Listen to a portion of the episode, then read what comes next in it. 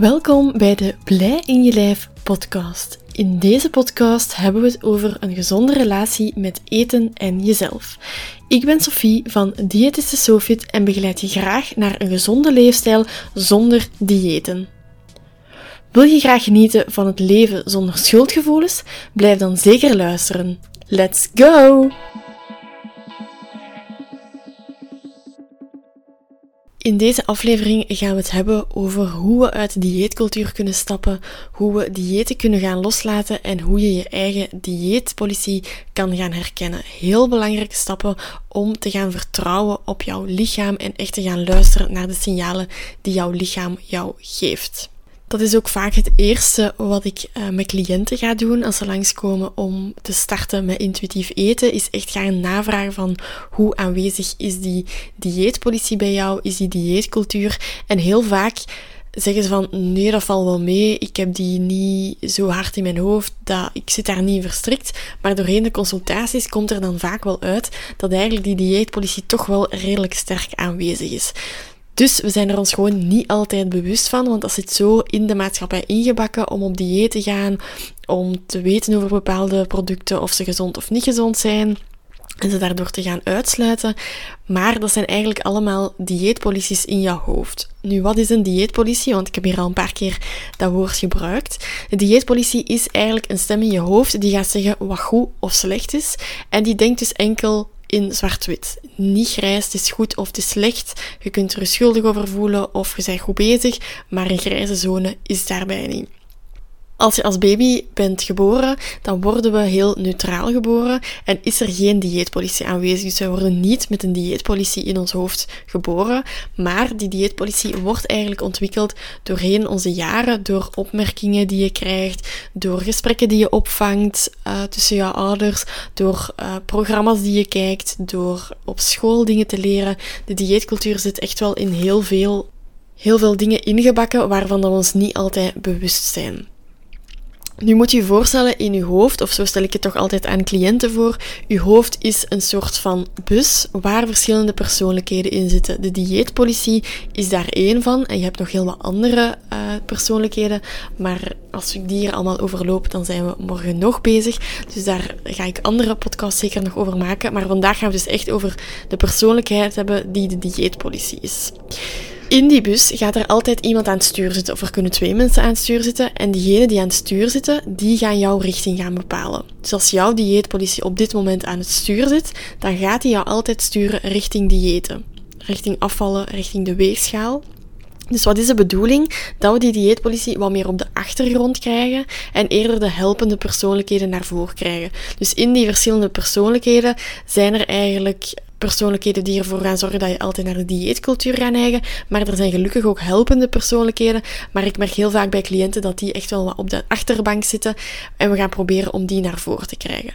Maar om je dieetpolitie weg van dat stuur te krijgen, is het wel de bedoeling dat we hem gaan herkennen en dat we weten wanneer dat hij aan het stuur zit. Anders is het onmogelijk om die weg van het stuur te krijgen in die bus gaan die deuren jammer genoeg niet open. Dus het is niet zo, ik herken mijn dieetpolitie, ik luister er niet meer naar, ik zet hem af, ik laat hem uh, uit mijn bus en ik zie hem nooit meer terug. Dat gaat jammer genoeg niet. Dus uw dieetpolitie, vanaf dat die eigenlijk ontwikkeld is, en dat is bij iedereen op dit moment zo, dan is die, of toch bij de meesten, omdat dat echt wel ingebakken zit door ja, de reclames, ook programma's. Dus uw ouders kunnen nooit in de dieetpolitierol hebben gezeten. Toch kan het zijn dat uw dieetpolitie wel aanwezig is. En die gaat dus ook jammer genoeg aanwezig blijven, eens hij daar is. Hij kan niet meer uitstappen. Dus je moet niet gaan proberen om die te doen verdwijnen. Maar we moeten wel bewust zijn van de dieetpolitie en ermee leren omgaan. Want ook bij mij is de dieetpolitie nog steeds soms wel aanwezig en probeert die soms om toch eens aan het stuur te komen. Maar doordat ik er heel bewust van ben en hem heel erg herken, ga ik daar niet op in en zorg ik ervoor dat hij terug naar achter gaat. Zo was de dieetpolitie bij mij vorig jaar heel erg aanwezig. Wij waren aan het verhuizen en dat was eh, twee weken eigenlijk wel redelijk heftig, zal ik zeggen. Heel veel werk en heel weinig tijd om eten te maken. Dus we hadden wel het geluk dat we eens bij, bij onze ouders en schoonouders terecht konden om te gaan eten. Maar er waren ook momenten dat dat, dat dan ging of dat dat zelfs niet paste, dat we moesten doordoen. En dan gingen we wel een keer eten afhalen. Dan was het een keer frietjes, dan was een keer pizza, dan was een kant-en-klare maaltijden. Dus in die twee weken zijn er heel weinig voedzame maaltijden gepasseerd. En na die twee weken was er een, een stemmetje in mijn, in mijn hoofd dat zei van, goh Sophie, zou je toch niet terug wat beginnen sporten of toch wat opletten en wat minder eten? Want ja, veel voedzame dingen heb je toch niet gegeten. Het is toch tijd om er weer wat meer mee bezig te zijn. Maar gelukkig herkende ik direct mijn dieetpolitie en kon ik zeggen, stop dieetpolitie, ik moet niet naar u luisteren.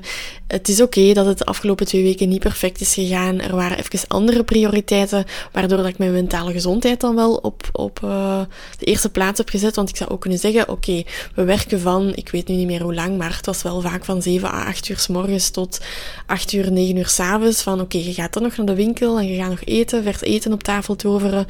Maar dat zou mij alleen maar meer uitgeput hebben. Dus op dat moment was dat het belangrijkste om ervoor te zorgen dat ik dan wel nog genoeg slaap had, want ik heb gewoon heel veel slaap nodig. Anders kan ik niet zo goed functioneren. Dus om het soms wat sneller te doen gaan. En ja, we hebben dan ook wel eens voedzame maaltijden gehad toen we bij onze schoonouders of ouders zijn gaan eten.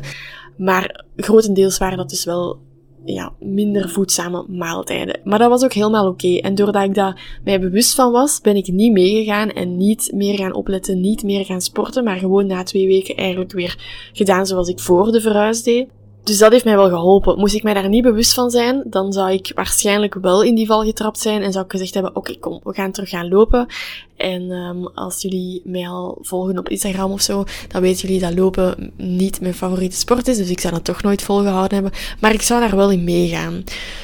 Dus de eerste stap is om uw dieetpolitie te gaan herkennen en er stop naar te zeggen.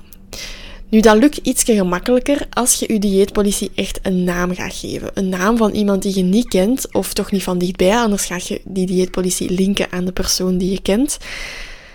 En dan kan je zeggen, als je dieetpolitie bijvoorbeeld Jos noemt, van stop Jos, het is gedaan, ik moet niet naar u luisteren. Want als die dieetpolitie geen naam heeft, dan is dat precies dat jij dat denkt en dat jij zegt dat het niet goed is, dat je anders moet gaan, gaan leven of gaan eten. En dan ga je daar meer in meegaan. Tegen als dat een andere persoon is, dan gaat je ze kunnen zeggen van kijk, ik moet niet naar u luisteren. Ik kan ook gewoon naar mezelf luisteren, dus stop er maar mee. Dat is net hetzelfde als dat uw buurman morgen zegt van ah, het gaat sneeuwen het is niet omdat je buurman dat zegt dat dat ook zo gaat zijn. Je gaat hopelijk toch niet altijd alles aannemen wat de andere mensen zeggen. Je gaat er altijd zelf over nadenken van, ja, maar ja, dat kan toch niet. Het is 20 graden, het gaat toch helemaal niet sneeuwen.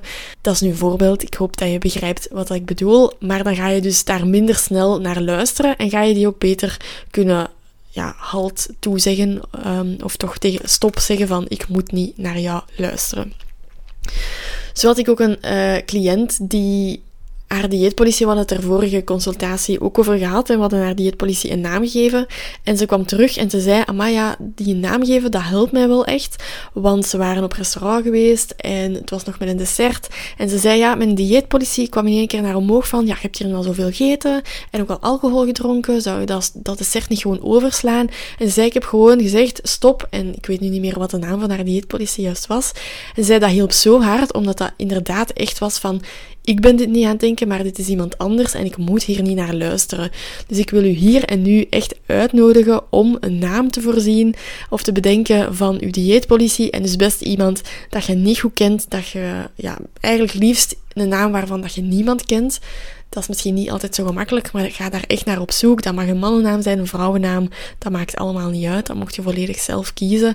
Maar best iemand die toch niet te kort bij u staat. Dus dat is de eerste stap, is u daar bewust van zijn en een naam geven.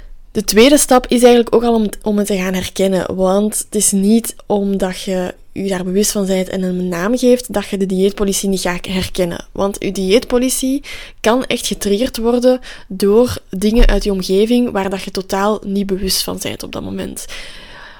Omdat de dieetcultuur heel vaak wordt verwerkt in programma's, kan dat echt zijn als jij s'avonds in je zetel zit om tien uur s'avonds en je zegt ik wil ontspannen en er passeert reclame van iemand dat een dieet gedaan heeft, kan dat u een dieetpolitie gaan triggeren. En op die momenten dat je eigenlijk niet zo bewust bezig bent en denkt nu is het genoeg, ik ga mijn hoofd even rust geven, dat zijn de gevaarlijkste momenten om wel mee te gaan in die dieetcultuur.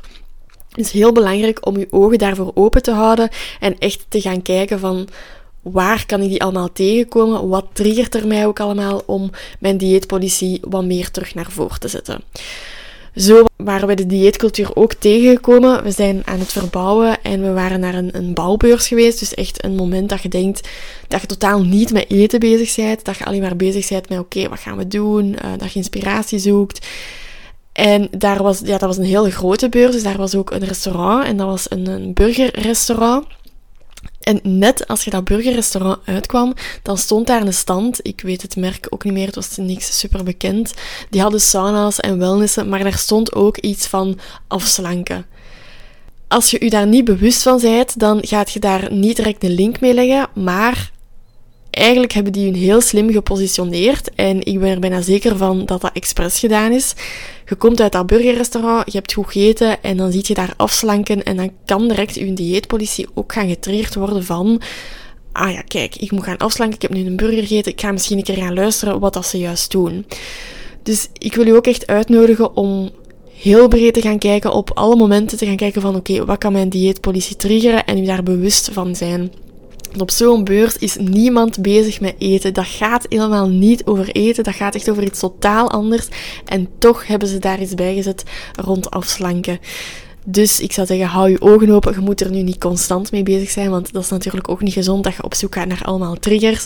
Maar ga je gewoon echt afvragen van oké, wanneer wordt mijn dieetpolitie getriggerd? Dat kan ook zijn door bijvoorbeeld een collega dat zegt ik ben op dieet. Dat jij dan denkt, ah ja, die is op dieet, dieet misschien moet ik dan ook wel op dieet gaan.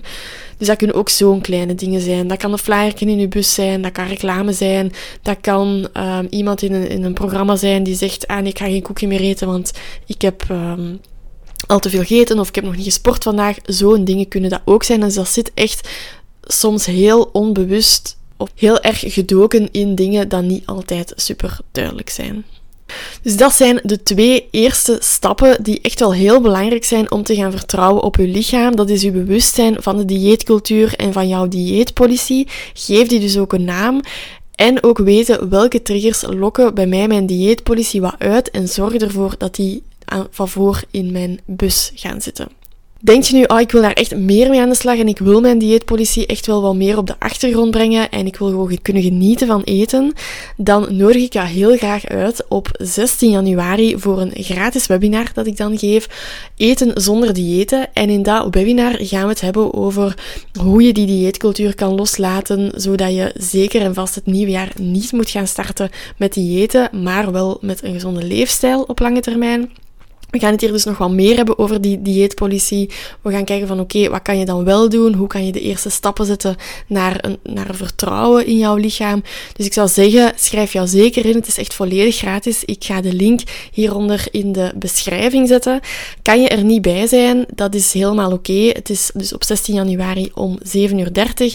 Er wordt een replay voorzien, dus je kan het altijd nog herbekijken. Maar ik zou zeker jou inschrijven als je deze podcast interessant vond, want dan ga je daar nog zoveel meer uit leren.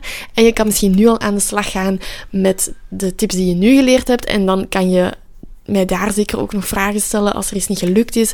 Of kan je er nog wat dieper op ingaan. Dus echt wel de moeite waard om erbij te zijn. Want zo kunnen we ervoor zorgen dat we samen het nieuwe jaar gezond inzetten. En dat we niet van het ene crashdieet naar het andere gaan. Maar dat het voor eens en voor altijd gedaan is met diëten. En dat jij kan genieten van jouw eten zonder schuldgevoel. Dankjewel dat je hier vandaag er weer bij was. En graag tot een volgende keer.